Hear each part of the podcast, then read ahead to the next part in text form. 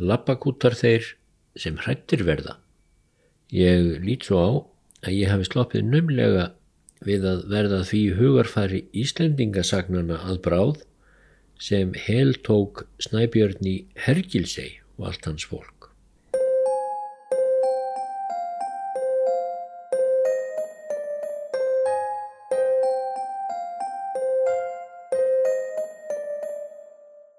Ég man eftir sjálfum mér að bisa við að lesa njálu.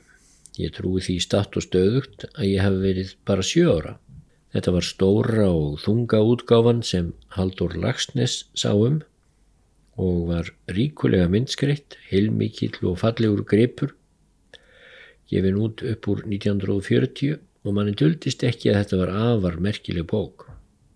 Og barnið ég pældi í gegnum þetta allt saman skildi auðvitað ekki innari allt en náði sögutræðinum að mestu leiti og ímsum af hápuntunum og uh, svona móralnum náði ég.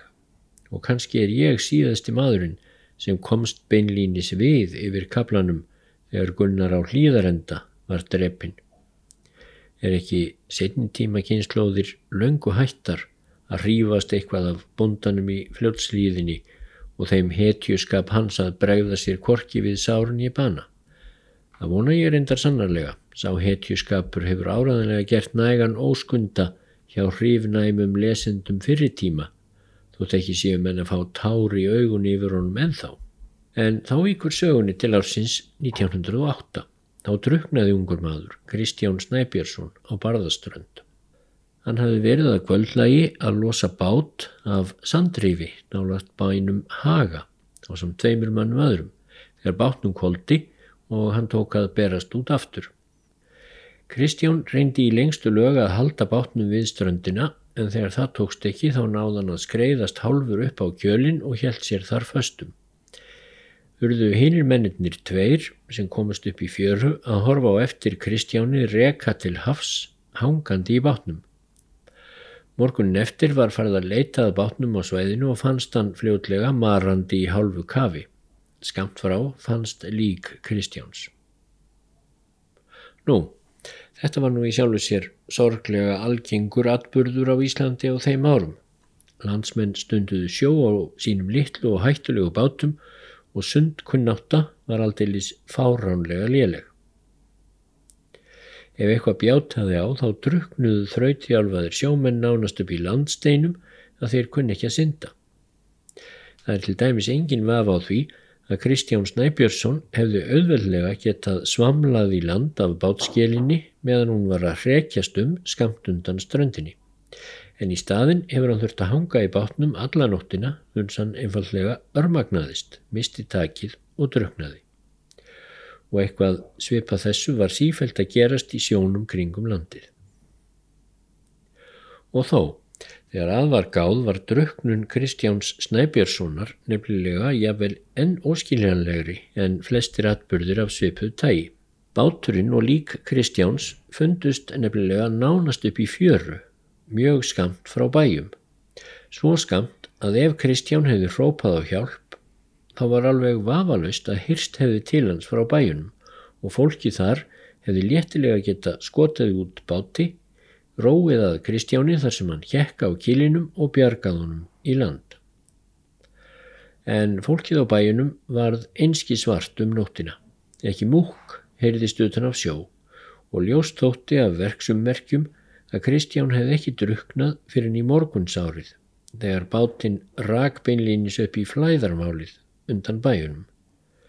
Þá hefur hann loksins mist taksitt fáa metra frá landi og druknað. En hvers vegna rópaði Kristján ekki á hjálp? Hvers vegna sótti hann ekki þá auðfengnu björgun sem við blasti?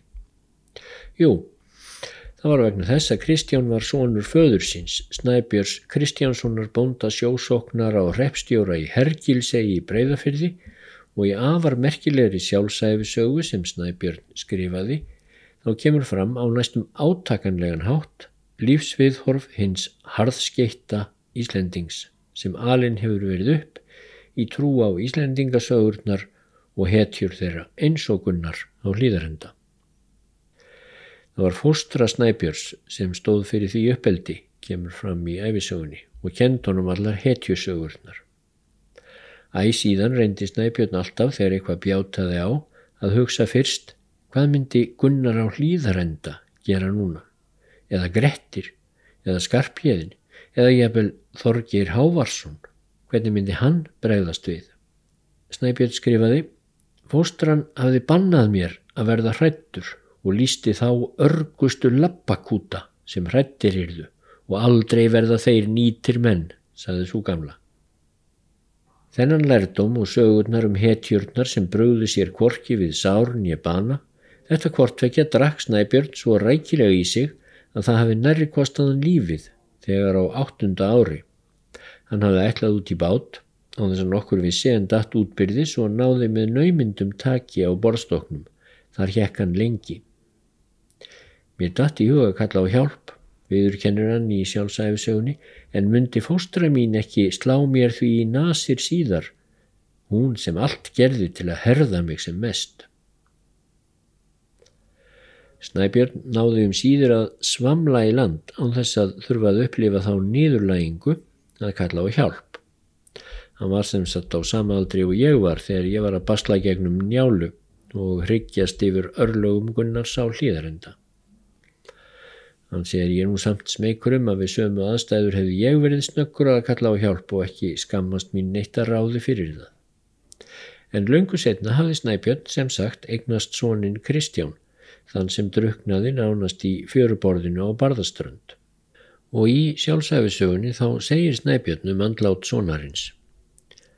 Mér var það huggun við þetta sorglega atvik að aldrei um kvöldið heyrðist óp til Kristjáns í sjávarháskanum hefði þó hlotið að heyrast svo nálagt bæjum ef hann hefði gefið nokkurt hljóð frá sér.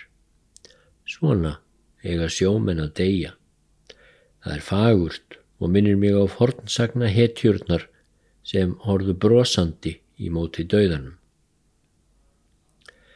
Sem sé, snæpirni sem þótti þó innilega væntum svon sinn, honum þótti skarra að hafa mistan með þessum hætti heldur en ef hann hefði bjargast með því að hrópa á hjálp. Þessi lífsafstafa er náttúrulega svo súrandi keksrugluð að það er erfitt að bera virðingu fyrir henni. En þó einnig erfitt að áfellast fólk sem kannski í mörg hundruð ár hafi verið gegnsýrt frásögnum um kappana miklu sem ekkert hreddust og bröðu sér aldrei. Því snæpinni var hreint ekki saman um svonsinn, það kemur skýrt fram en orðspor hetjunar var hún þó enn meira virði.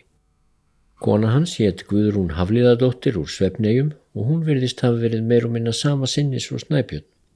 Að minnstakosti byrtist hún þannig í tólkun hans í bókinni. Þar segir á einum stað frá því þegar þau hjón mistu tveggjára dóttur. Það var okkur mikil harmur. En konan mín var stillingin sjálf en þó átt hún erfitt með að dilja sorg sína við barnamissin. En það var okkar mark og mið að dilja og láta engan sjá merki til sorgar. Og það verði strendar hafa verið helst í kostur guðrúnar í augum snæpjurs, hver vel hún gatt dulið sorgir sínar og tilfinningar. Því hann segir beinlínis, oft dáðist ég í huga mínum að stilling og hátt príði konu minnar. Hún gat svo vel dölið söknuð og sárar tilfinningar að mig undraði. Hún breyttist í engu hvað sem fyrir kom. Það er dæmi gert fyrir stíl æfisögunar eins og segir á einum stað þar sem hvergi er fjölist um tilfinningamál þótt augljóslega kræmi oft undir niðri að þótt kaplafyrirsagnar séu oft æsilegar í hættu stattur, strand og mantjón, ljótur leikur stráka, fundin kvalur, líkin sótt og svo framvegis. Þá er frásögnina af hjónabandi þeirra guðrúnar að finna í kapla sem ber fyrirsögnina ímislegt og fer þó ekki millir mála að kert hefur verið millir þeirra svo mjög reyndar að þegar guðrún dó lagði Snæbjörn sig alveg sérstaklega fram um að láta ekki nokkur mann sjá á sér minsta söknuð en hann orti þó eina vísu sem endaði svo nú er úti sorta að sjá svona er inni líka Þetta var allt og sumt eftir 46 ára hjónaband, fimm börn og lifðu aðeins þrjú foreldra sína. Það má geta þess að lokum að svo útgafa af njálu sem ég var að basla við að lesa þarna sjóra gammal, hún var mjög umdeild að því mörgum fannst Haldur Lagsnes fremja ægilega góðgá með því að gefa hana og fleiri sögur út með nútíma stafsetningu og gefa hvað eftir annað til kynna í ónálag að þetta væru skáldsögur en ekki sagfræðileg verkum alvöru fólk sem ætti að vera öllum landsmönnum hinn eilífa fyrirmynd. Var á það bent og líklega réttilega að nú eriðu sögurnar aldrei teknar jafn hátíðlega af Íslendingum og áður. En miðað við hvernig þessar sögur léku snæbjörn í Hergilsei, fósturu hans, eiginkonu og veslingin Kristján Snæbjörnsson þar sem hann hjekka á bátnum heila nótt án þess að kalla á hjálp, þá hefur Haldur Lagsnes líklega bjargað heilmörgum mannslífum með þessari útgáfu.